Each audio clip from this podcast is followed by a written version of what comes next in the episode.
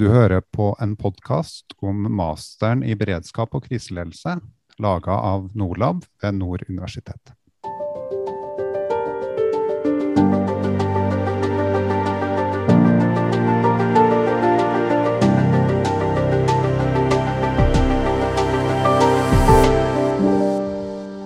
Hei, og velkommen til denne podkasten, som da handler om masteren i beredskap og kriseledelse, og de ulike prosjektene som er gjort i forbindelse med det. I denne første episoden dette er første episoden altså, så har vi med oss Øystein Mjelle og Jørn Ivar Helsnes, som skal snakke om prosjektstyring. Eller i hvert fall det de har gått inn med knytta til et spennende arrangement som heter Skitour 2020. Hei, Gunhild. Gunhild Birgitte Sætren også med meg. Hei, Jonas. Hallo. Trivelig. Ja, det her er koselig. Uh, Gunhild, du jobber jo på denne masikken, Masiken, som den kalles. Hva er det som er så spesielt med, med Masiken? Du, det mest spesielle med den masteren er vel at den er helt unik i Norge. Det er en master i kriseledelse og beredskap som som er knytta til Bodø og til Norlab, som er et laboratorium, undervisning som dreier seg mye om øvelser. Så vi har veldig mye øvelser gjennom, og vi har mye simulering i undervisninga. Og så er det jo i tillegg et samlingsbasert studium, sånn at hvis du er i jobb, så har du mulighet til å ta det studiet her i tillegg. Så alle som tar det studiet, er per i dag i hvert fall i jobb ved siden av. Sant. Og det gjør jo at eh, på denne utdanninga så kommer det jo egentlig ganske erfarne folk som, eh, som, har ganske god kunnskap om både øvelser og, og ja, krisehåndtering, kriseledelse, også det å også beredskap, simulering. Eh, og apropos det, så er jo de to gjestene som vi har med oss her, ganske så erfaren på det området. Eh, Øystein Mjelle, kan du ikke bare introdusere deg? Si, si, litt kort om hvem du er. Ja, bakgrunnen fra, fra Forsvaret. Vi jobba i Forsvaret mer eller mindre siden 1983. Så øvelse det har jeg vært mye på, men også ute i operasjoner eh, hjemme og i utlandet. Bra. Og jobber i dag på det som kalles Forsvarets operative hovedkvarter, eh, som ligger i Bodø. Ja. Så da du begynte på Masikeren, så, så hadde du litt kunnskap om det som, eh, det som masteren tok for seg. Uh, ja, eh, gjennom arbeidet i Forsvaret er, Forsvaret er jo Norges største beredskapsorganisasjoner. Eh, og innretta for å håndtere alt mulig rart, både i fred, krise og krig, egentlig sånn det mest ekstreme. Eh, men har også jobba litt i det sivile, innenfor, samme, eller innenfor sikkerhetsbransjen. da. Eh, Retta inn mot eh, nordsjøvirksomhet, egentlig. Så litt, eh, litt, erfaring har jeg på distansen, men jeg følte behov for å få ja, faglig påfyll, få nye vinkler. altså man, man, blir jo gjerne i et spor over tid, og det er greit å bli utfordra litt på det. Nye fag som human factors og slike ting, det er jo alltid med på å utvide horisonten. Så det var bakgrunnen egentlig for å få eh, en formell sivil kompetanse innenfor et, et, fag jeg følte at jeg hadde en, en god slektskap til. egentlig. Så bra. Um, Jørn Ivar Hellesnes er også med oss. Um, uh, du kan jo kort introdusere deg, du òg? Ja, det kan jeg gjøre. Jørn Ivar Hellesnes heter jeg også. Uh, og jeg har jo for så vidt uh, samme bakgrunn som Øystein, men jeg har tilbrakt de siste 20 årene i det sivile.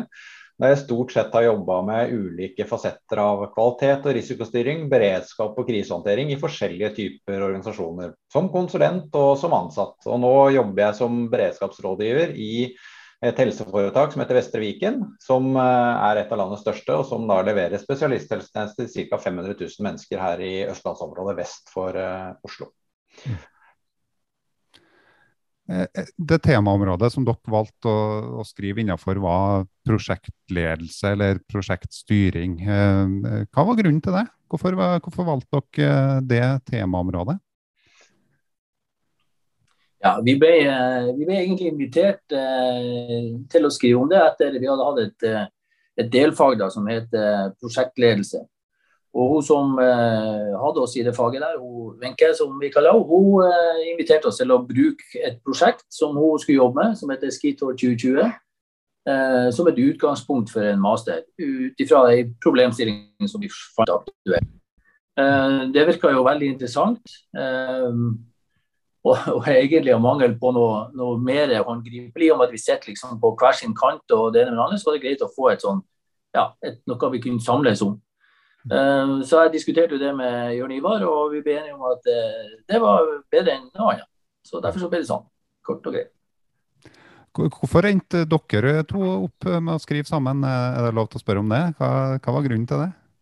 Nei, Det var vel eh, egentlig at vi, vi, hadde et visst kjennskap til hverandre fra før. Og så fant vi ganske fort tonen da, eh, underveis i, i, studiet. Det er vel riktig å si det sånn, Øystein. Eh, og vi skrev en del andre oppgaver også sammen. Eh, og vi syns det fungerte eh, veldig bra. Eh, det er noe med at man tenker litt likt og man har litt lik bakgrunn. Så, så, blir det på en måte lett å jobbe sammen, selv om avstandene blir store. Når, når, dere da ville gå inn på uh, for, for, her har dere jo en case. Dere har uh, Skitor 2020, egentlig en ganske kjent case da, for, uh, for omverdenen, vil jeg tenke.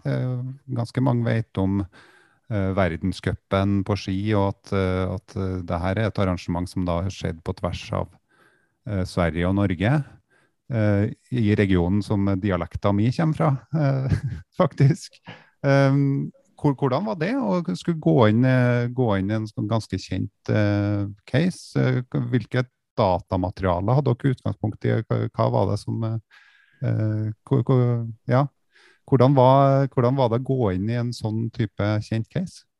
Det var eh, interessant. Eh, det var mye kjente folk som, eh, som var eh, engasjert i, eh, i, dette arrangementet. så Sånn sett så var det en viss oppmerksomhet rundt det, som du sier.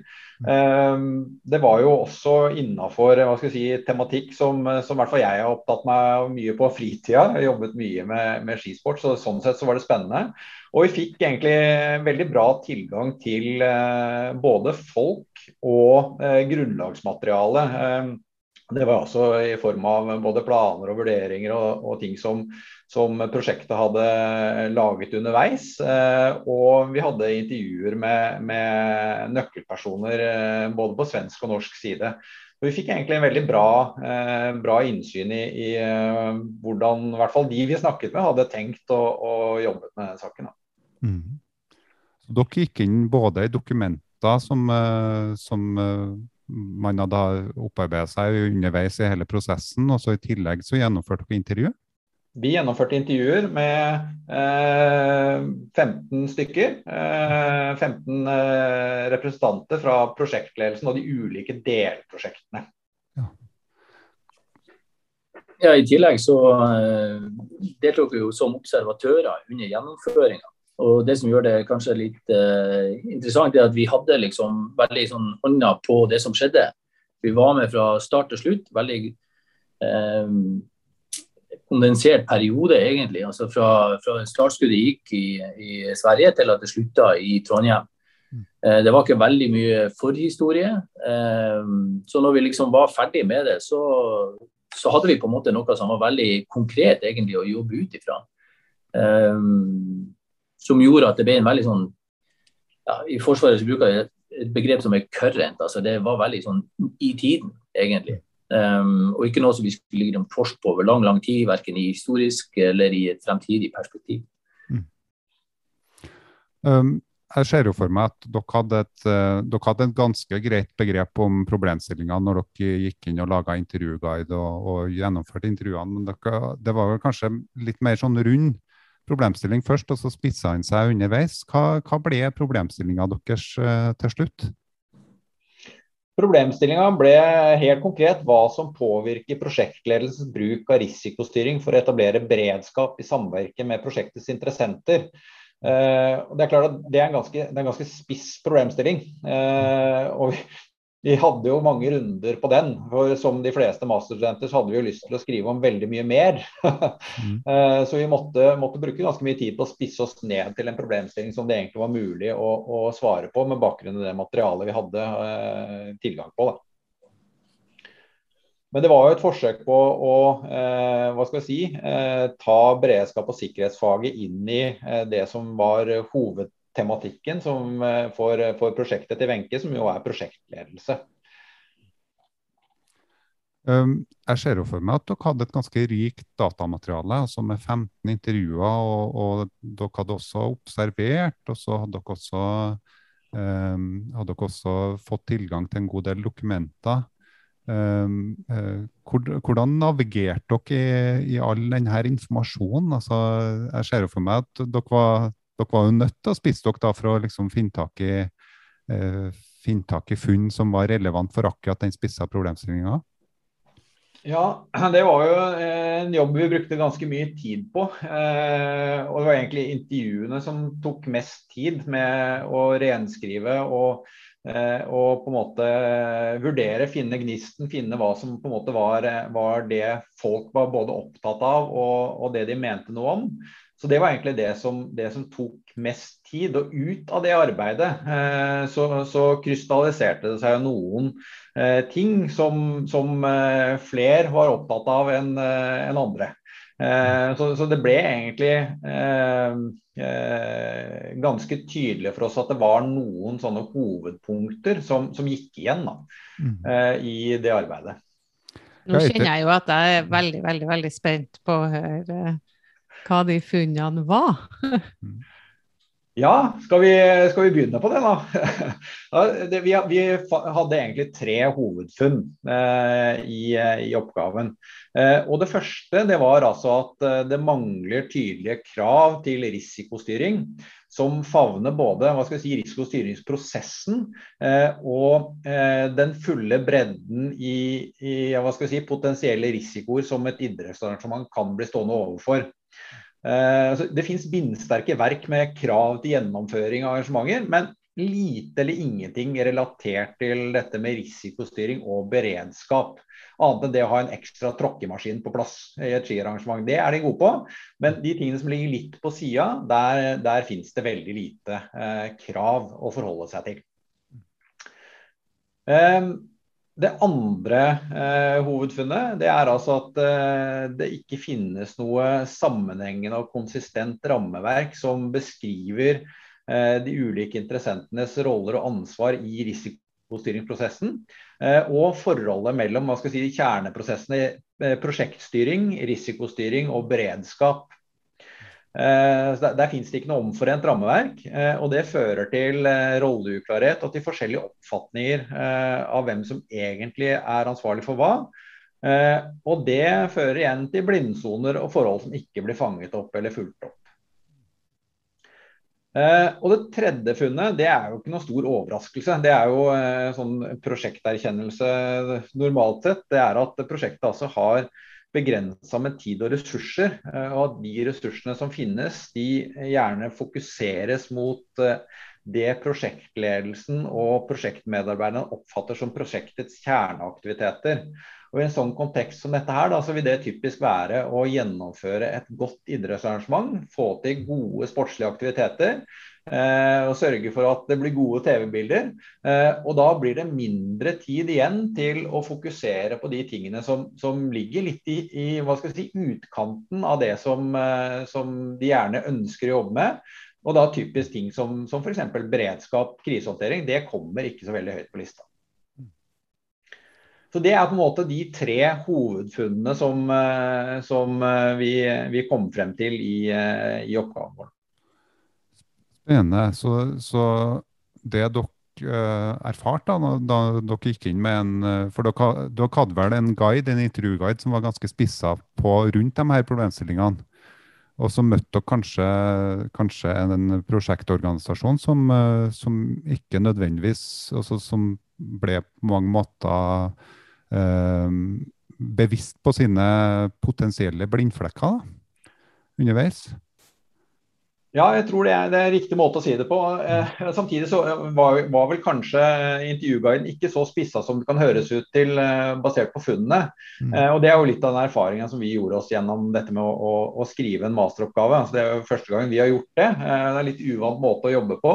Så vi var nok eh, hva, skal vi si, Øystein, overoptimistiske da vi skrev intervjuguiden og tenkte oss egentlig å favne flere problemstillinger og, og større bredde av det som Eh, det som handler om beredskap eh, og hendelseshåndtering i, i en sånn kontekst. Da. Men vi fant at eh, det, det var, ikke, var, det ikke rom for eh, i en oppgave, så vi måtte på en måte spisse oss ned. og Da måtte vi bruke bearbeidingen av, av intervjuene og det materialet vi hadde til å finne, altså definere problemstillingen tydeligere. Og Det var en sånn iterativ prosess. En, en, ting som jeg syns var interessant, som du sa, var Altså du, du, du, visualiserer, ser for deg de fine TV-bildene. sant? Det her arrangementet som går eh, litt sånn OL på Lillehammer-aktig bilde, kanskje man har i hodet, eller VM i Trondheim 97, eh, eller et eller annet sånt. Og så, og så går man kanskje blind for den her eh, potensielle scenarioene som kan oppstå, eh, som, som, bryter med det her bildet.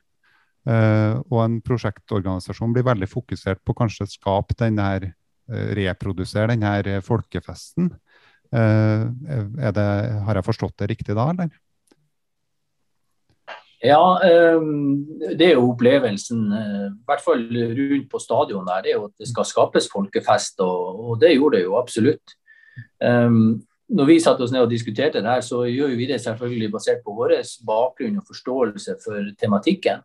Um, og Den er jo helt løsreipa fra de diskusjonene som de har hatt i prosjektorganisasjonen. Og I og med at ikke vi har vært en del av det, så kommer vi inn selvfølgelig eh, fra sidelinja da, med, med vårt utgangspunkt. Um, og prøver jo å utfordre uh, kan du si, den, det tankegodset som vi um, basert på egen erfaring eller egen kunnskap og forståelse gjerne skulle ha sett uh, var til stede. Um, når du arrangerer oppe i Meråker et stort arrangement, så endrer du på en måte normaltilstanden i det lokalsamfunnet. Uh, og fra et sånn samfunnssikkerhetsperspektiv, da, hvem er det som har ansvaret for den endringa? Det var jo en sånn ting som vi lurte litt på. Hvem, hvem tar liksom ansvaret for at, at, situasjonen blir en annen? Uh, de lokale ressursene de er ikke dimensjonert for uh, å få mange tusen tilskuere eller Eh, den endringa som vi mente eh, skjer. Og da eh, var liksom spørsmålet hvem, hvem tenker på det? Og det der disse manglende kravene plutselig ble synlige, da, egentlig.